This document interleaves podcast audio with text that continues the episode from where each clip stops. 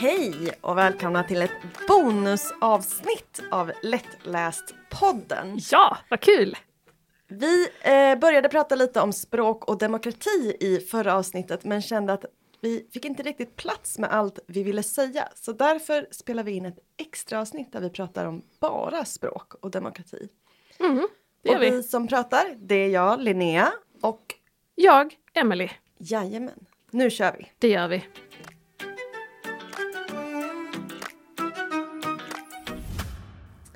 Så språk och demokrati alltså, hur hänger det egentligen ihop?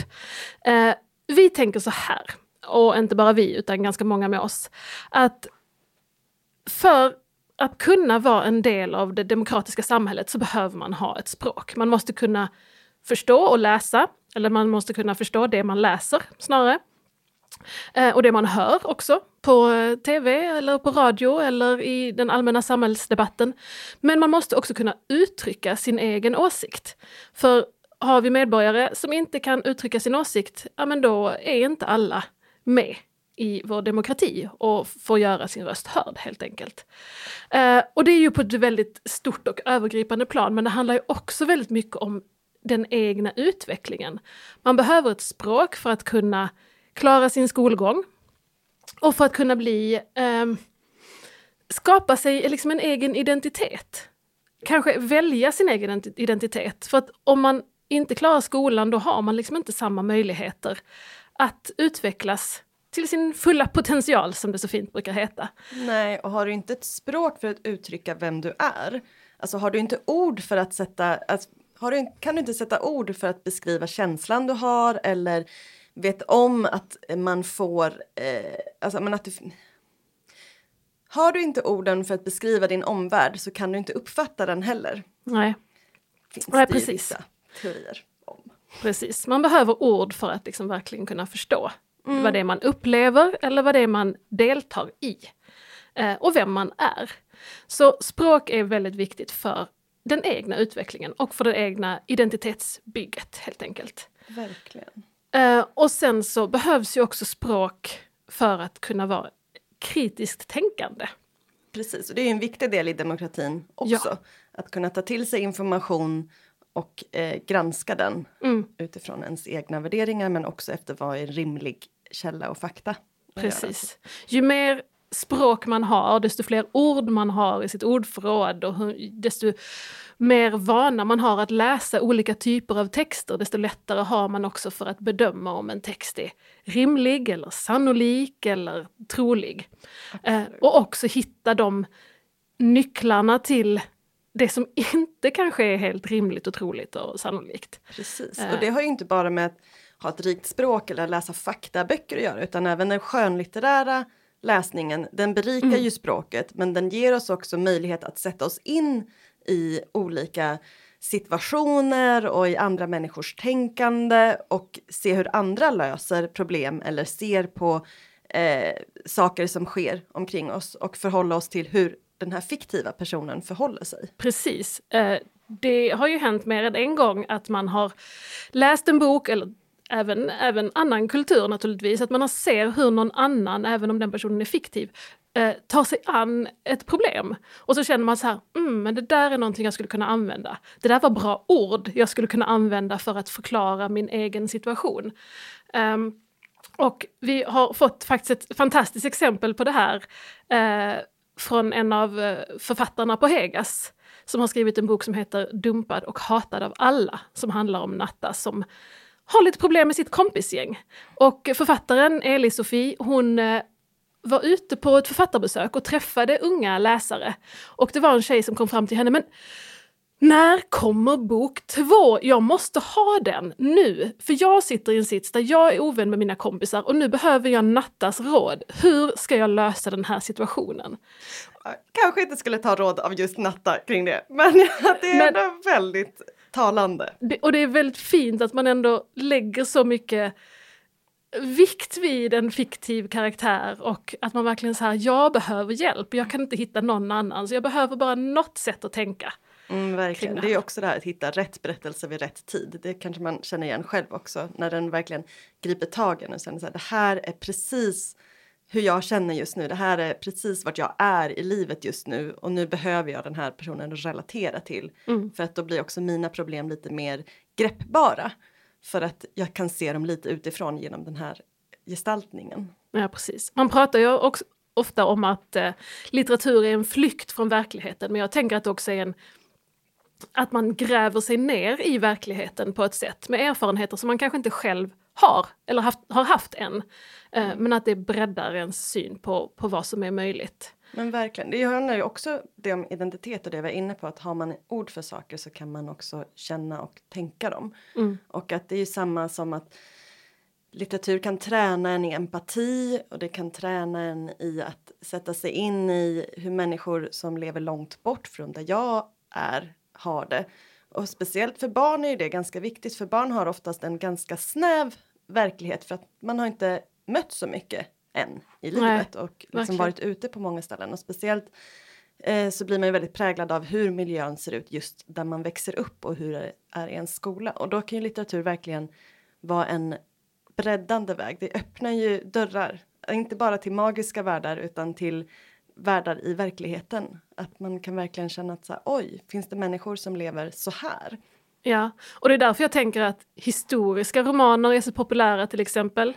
Eh, det finns ju även gott om barnböcker som utspelar sig i andra tider eller i delar av världen som man kanske aldrig kommer till. Och att det blir en möjlighet för, för barn och unga att, att se en större bild av verkligheten. Verkligen. Det finns en bilderbok som heter eh, Tilly trodde att. Tilly tror att. Ah, jag kommer inte riktigt ihåg exakt. Jag får lägga upp det sen. Eh, men då handlar det om ett barn som heter Tilly. Det är ju för förskolebarn. Men som går hem till olika kompisar på förskolan och som, de bor liksom i samma hyreshus tror jag. Men att alla har det så olika hemma och så är det så här. Men Tilly trodde att alla hade mat i kylskåpet eller att det alltid fanns mjölk där. Men här fanns det bara en möglig ost och en ett surt paket grädde. Typ så här. Men det Mm. går bra ändå. Eller? Och så att just det här att upptäcka att andra inte har det som en själv. Och jag tycker det är så fint när man kan få det genom böcker. Mm. Ja, verkligen. Jag kommer ju genast att tänka på Siv sover vilse som var en bilderbok som jag älskade att läsa för mina barn eh, när de var lite yngre. Som också är en så här, det behöver inte vara jättekonstigt, det är bara det att man äter annan mat i andra familjer eller att det finns en konstig mormor någonstans och en läbbig storebrorsa som, som ligger på sängen och lyssnar på musik. Att man liksom bara får uppleva någonting nytt. Och det slutar man ju inte behöva bara för att man kommer upp i skolåldern utan man behöver ju fortfarande läsa berättelser som vidgar ens en syn på världen. Verkligen. Och då är det ju fint precis som du säger just att man kan få den här historiska blicken och man kan Mm. få uppleva hur man lever i andra världsdelar, i andra länder. Mm. Liksom att det blir, det blir större utforskande Mm. när man blir äldre. Kanske därför eh, de historiska böcker som Hegas ger ut är så populära att läsa i skolan till exempel. På plats i tiden där man både får olika delar av världen och olika tider. Mm. Och även Överlevarna som ju är en, en väldigt spännande serie där man också ser starka tjejer i olika tider och platser. Verkligen. Och de, i och med att de är fiktiva och skrivna ur barnens perspektiv också så blir det ju ändå att man kan relatera till personen närmare än kanske att läsa bara en faktatext om Mm. den historiska skeendet. Att det blir liksom lite mer nära. Det finns ju fler förlag som också ger ut den typen av Mm. historiska skildringar och de är väl populära överlag. Ja, absolut. Ja, eh, det är väldigt eh, spännande med eh, vidgade världar i, litteraturen. Ehm, men jag tänker också det här med att, ehm, att språk gör en bättre på att tolka. Det är ju, ju fler erfarenheter vi har, både av platser, tider, erfarenheter, men också olika typer av texter eh, olika svåra texter eller olika liksom, genrer av texter så lär, tränar vi ju vår förmåga att tolka. Eh, både det vi läser och kanske tolka vår egen verklighet utifrån det vi har läst. Och andra människor. Att, Mm. ja, men det är väl lite det. Träning i empatin. Att så här, Mm. kunna se en situation lite från andra håll. Det kan ju vissa målgrupper inom lättläst ha lite svårt med. Just den här tolkningsbiten. Det kommer vi prata mer om i det andra avsnittet av Lättläspodden om målgrupper och olika förutsättningar för läsning. Ehm, men att även om man är, har problem med tolkning eller läsa mellan raderna så är det ändå någonting som litteraturen hjälper en att öva upp och som är en viktig egenskap att träna på oavsett mm. vilken nivå man är på. Så är det. Uh, för om man går in lite på de som har problem med sin läsning, uh, lite anledningen till att vi ger ut lättlästa böcker på Hegas, det är ju att om man inte riktigt fixar läsningen så hamnar man inte bara kanske efter i skolan utan även lätt utanför i det sociala eh, sammanhanget. Det är svårare om man känner att man inte riktigt klarar skolan så är det också lättare att känna ett utanförskap i stort, liksom i, stort i, i den sociala gruppen i klassen. Verkligen. Verkligen. Det är inte bara att man blir utanför för att man inte tar del av samma böcker utan det handlar ju också om att ha ett språk, att kunna uttrycka sig, att kunna vara social. Mm. I, för det är ju grunden av vårt samhälle är ju också att vi är sociala varelser. Och kan man inte delta i det sociala samspelet på lika villkor, vilket ju språk är en förutsättning för, så blir det väldigt svårt att vara, känna sig som en del av det, vara inkluderad. Mm. Och, och det är ju så att om man känner redan från början att man är lite efter i skolan, man fixar inte riktigt läsningen, man kommer efter i, i den andra undervisningen också därför att man inte riktigt förstår texterna man läser. Det är ganska lätt att ge upp och automatiskt ta den här outsider-rollen. Eh, um, vilket ju gör att man, man kanske inte får eller ger sig chansen att vara delaktig i samhället Nej. på lång sikt. Nej, verkligen. Att just det som du var inne på i början, mm. förutsättningen mm. för att vara en samhällsmedborgare är ju också att kunna läsa och mm. förstå mm text och meddelanden och kunna uttrycka sig för att vara en demokratisk röst. Men därför är det ju så viktigt med att ha en jämlik utbildning. Att alla ska faktiskt ha rätt att lära sig. Och lättläst är ju ändå en del av det här utjämnande. Eh, ett verktyg att använda i den utjämnande undervisningen. För att det ändå finns väldigt mycket forskning att det är väldigt starkt kopplat att idag så är föräldrarnas utbildningsnivå och barnens resultat i skolan väldigt tätt sammanlänkande. Mm. Det brukar ju undersökas hur, hur eh, barn med utländsk härkomst eller för andra eh, generationens invandrare, hur deras eh, resultat står sig jämfört med svenskfödda eller med barn med svenskfödda föräldrar.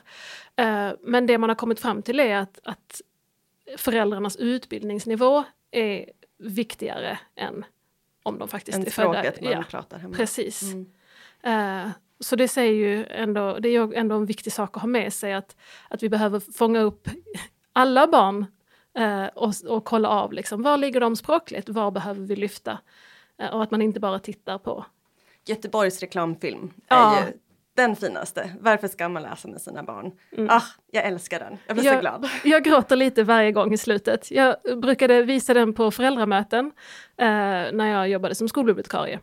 Eh, den sa ungefär vad jag redan hade sagt till föräldrarna men jag tänkte att får man en gullig liten tjej som säger samma sak så kanske det är några som inte har lyssnat på mig som, brukar, som lyssnar på den där tjejen. Vi kommer att länka till den eh, Ja, också. Den är otroligt den är välproducerad. Jätte, jättefin. Som berättar precis varför man ska läsa med sina barn för att eh, de ska ha en chans att bli läsare som äldre. Och i förlängningen bli en del av det demokratiska samhället. Ja, verkligen. Det går ju inte att komma ifrån, språk är makt. Eh, och det går liksom inte att tänka sig ett demokratiskt samhälle där inte alla människor kan delta på lika villkor och har ett språk för att kunna delta på lika villkor. Så läs för era barn. Peppa era barn att läsa. Även om det inte är era barn rent biologiskt, era barn i skolan, era barn på skolbiblioteket. Stötta dem, hjälp dem. Era barn på folkbiblioteket. Ja, det också. Förlåt, jag är så eh, inkörd i en skolmiljö. Ja, jag kämpar för folkbiblioteket, nej, för alla bibliotek. Alla barns rätt att lära sig. Och det vet ju säkert alla ni som lyssnar redan. Ja. Hur viktigt det är. Men det var nog allt vi hade i det här bonusavsnittet. Ja. Eh, vi ses, nej det gör vi inte, men vi hörs igen det, i nästa avsnitt. Det gör vi. Ha det så bra tills dess. Hej då!